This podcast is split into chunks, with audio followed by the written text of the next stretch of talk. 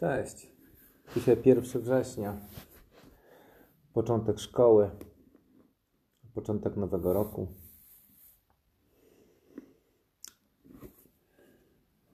Dla wielu jest to wielkie wydarzenie. Niekiedy pozytywne, niekiedy negatywne, niekiedy jest to w końcu odejście dzieciaków z domu i w końcu spokój, i w końcu można zająć się swoimi rzeczami. Dla innych jest to okazja do refleksji na temat wakacji, na temat czasu, jaki się spędziło z innymi ludźmi, czy ze swoimi smarkaczami.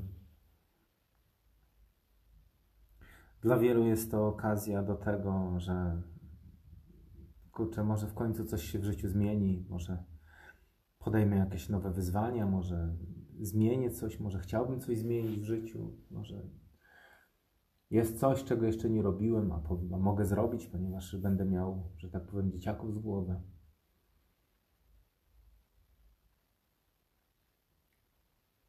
System edukacji i ogólnie wszystkie systemy, które są na chwilę obecną skonstruowane i są konstruowane będące opartymi na teoretycznym zgłębianiu wiedzy, prędzej czy później muszą upaść. Teoretycznie nie da rady zgłębić życia. Hmm. Chociaż sam to bardzo często robię i sam się łapię na tym, że bardzo dużo czytam. I to jest bardzo dobre, bo warto czytać.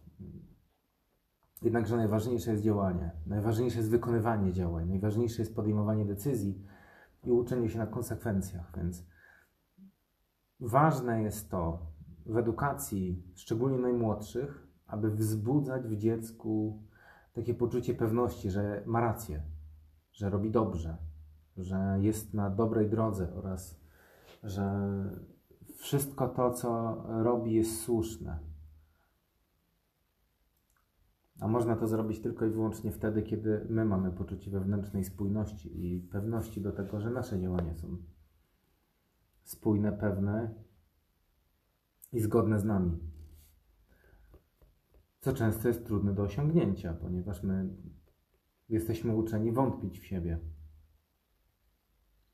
Jesteśmy uczeni być niepewnym. Jesteśmy uczeni tego, że jest zawsze ktoś u góry, który podejmie decyzję za nas. Jest takim guru, autorytetem, władcą, rządzącym, kimś, kto ustala warunki. W systemie edukacji, powiedzmy szkolnym, takim konwencjonalnym, mamy ucznia, który, nad którym jest nauczyciel. Nad nauczycielem jest dyrektor. Nad dyrektorem jest kuratorium nad kuratorium jest ministerstwo i prawdopodobnie jeszcze są inne elementy po drodze. I żaden z nich nie zna pracy innych ludzi. No, nie ma czegoś takiego, że dziecko, które ma pewien zasób wiedzy, wie mniej niż ten jeden nauczyciel, który, który ich uczy. Czyli z 20 osób, które są w klasie i mając jednego nauczyciela, który uczy ich tego samego, wymaga tego samego, y, i od grupy nauczycieli jest jeden dyrektor, który zarządza nauczycielami, który ma wiedzieć niby wszystko to, co wiedzą uczniowie, oraz kuratorium, które spotyka się z dyrektorami, ma wiedzieć, co i w jaki sposób dyrektorzy pracują, oraz ministerstwo, które sprawuje zarząd i narzut w pewnym sensie nad kuratorami i pośrednio wszystkimi innymi. To wygląda jak taka wielka piramida społeczna, w której decyzje o tym, jak uczyć, jak przekazywać wiedzę z góry na dół jest podyktowana liniowo i oceniana przez każdy szczebel do przodu.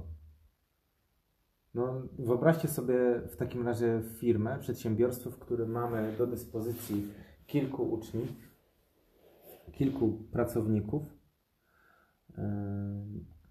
którzy mają wykonywać wszystkie te polecenia, które, wykon- które zada im szef, który nie zna specyfiki ich pracy, który podejmuje błędne niekiedy decyzje, który do końca nie zna wszystkich punktów widzenia mm, poszczególnych segmentów, ale wie mniej więcej ogólnie, co, kto i czym się zajmuje. Poszukiwanie rozwiązań zatem jest o wiele ważniejsze niż narzucanie pewnego schematu postępowania, ponieważ schemat postępowania się zmieni wraz ze zmianą osób, które wykonują daną pracę, którą mają powierzoną. Należy weryfikować zadania, należy weryfikować pracę, jednakże bez narzucania, że działania muszą przynieść określony rezultat. Po prostu należy szukać rozwiązań wspólnie. Tak w szkole z dziećmi, tak z dorosłymi. Więc jakakolwiek sytuacja, w której ocenia się negatywnie, y, czy to pracownika, czy to dziecko, wiąże się z tym, że są oni hamowani i sabotują się. Y, czyli samo ograniczają się w rozwoju, tylko dlatego, że nie są do końca pewni, nigdy nie mogą być pewni rezultatu.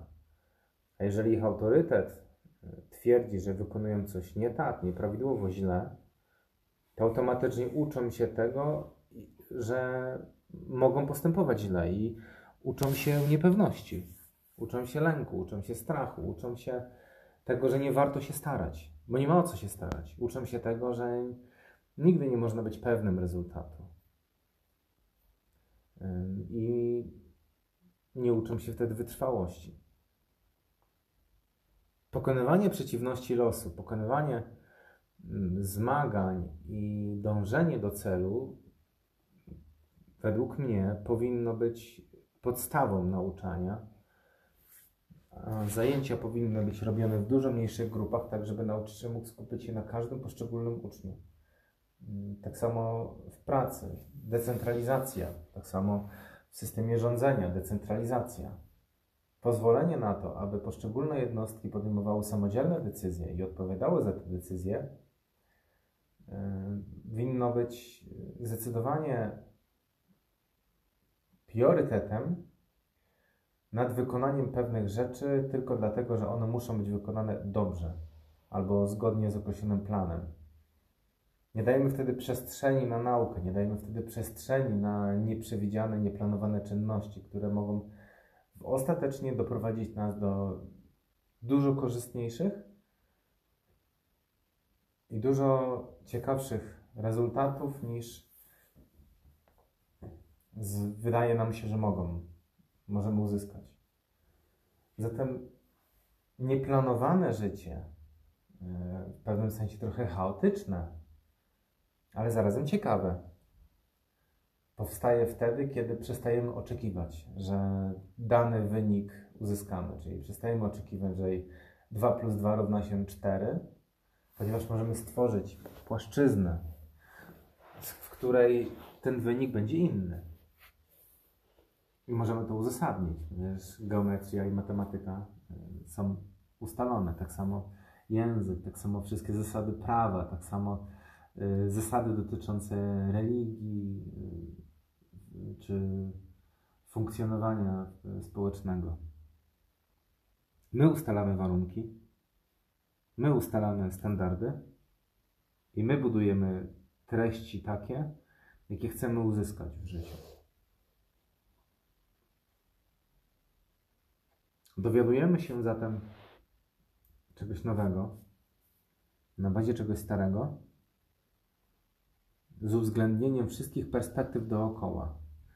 Często te właśnie najmniejsze elementy, te dzieci, y, są te, tymi najbardziej kreatywnymi, co pokazuje wiele badań, że dzieci są najbardziej kreatywnymi istotami, jakie chodzą na Ziemi, ponieważ nie mają ograniczeń. Z czasem, kiedy ustalamy własne role życiowe, z czasem, kiedy ustalamy własne punkty widzenia, stajemy się dorosłymi, którzy jak ten koń z klapkami idą prosto przed siebie jak baranki na rzeź dają się golić i strugać i zabierać ostatnie pieniądze z, przez podatki, które nieustannie rosną. Nie mając własnej wewnętrznej edukacji, nie mając własnej wewnętrznej pewności co do działań, jakie wykonujemy, po prostu poddajemy się temu prądowi życia, poddajemy się temu wszystkiemu, co, co jest, nie wierząc w pozytywną zmianę, ponieważ nie mamy wystarczającej perspektywy. Chcąc uzyskać więcej od życia, musimy postawić się prawu. Musimy być trochę takim outsiderem, tak jak dziecko nieznośne, tak jak ten taki urwis, który nie chce posłuchać, który wychodzi poza granicę. Niczym Harry Potter, który jest bardzo dobrym uczniem, ale nie słucha zasad szkoły i odkrywa bardzo fajne tajemnice, które do tej pory były ukryte. Świat jest naprawdę bardzo bogaty. Świat jest naprawdę bardzo tajemniczy i świat jest naprawdę bardzo szeroki, jeżeli pozwolimy mu na to. A jeżeli zmuszamy się do funkcjonowania w wąskich granicach, w wąskich ramach i takich, które, no jakby to powiedzieć, nie pozwalają nam się rozwijać zbyt szybko, wtedy nasze życie staje się takim delikatnym bagażem, delikatnym obciążeniem, które nie pozwala nam iść naprzód, kiedy bardzo chcemy iść. Objawia się to w różny sposób. Dla każdego będzie on inny. Dlatego życzę Wam nadchodzący rok dużo wytrwałości, dużo siły wewnętrznej, dużo zaufania do siebie z wyrazami najszczerszego szacunku i miłości. Ja. Tak. Cześć.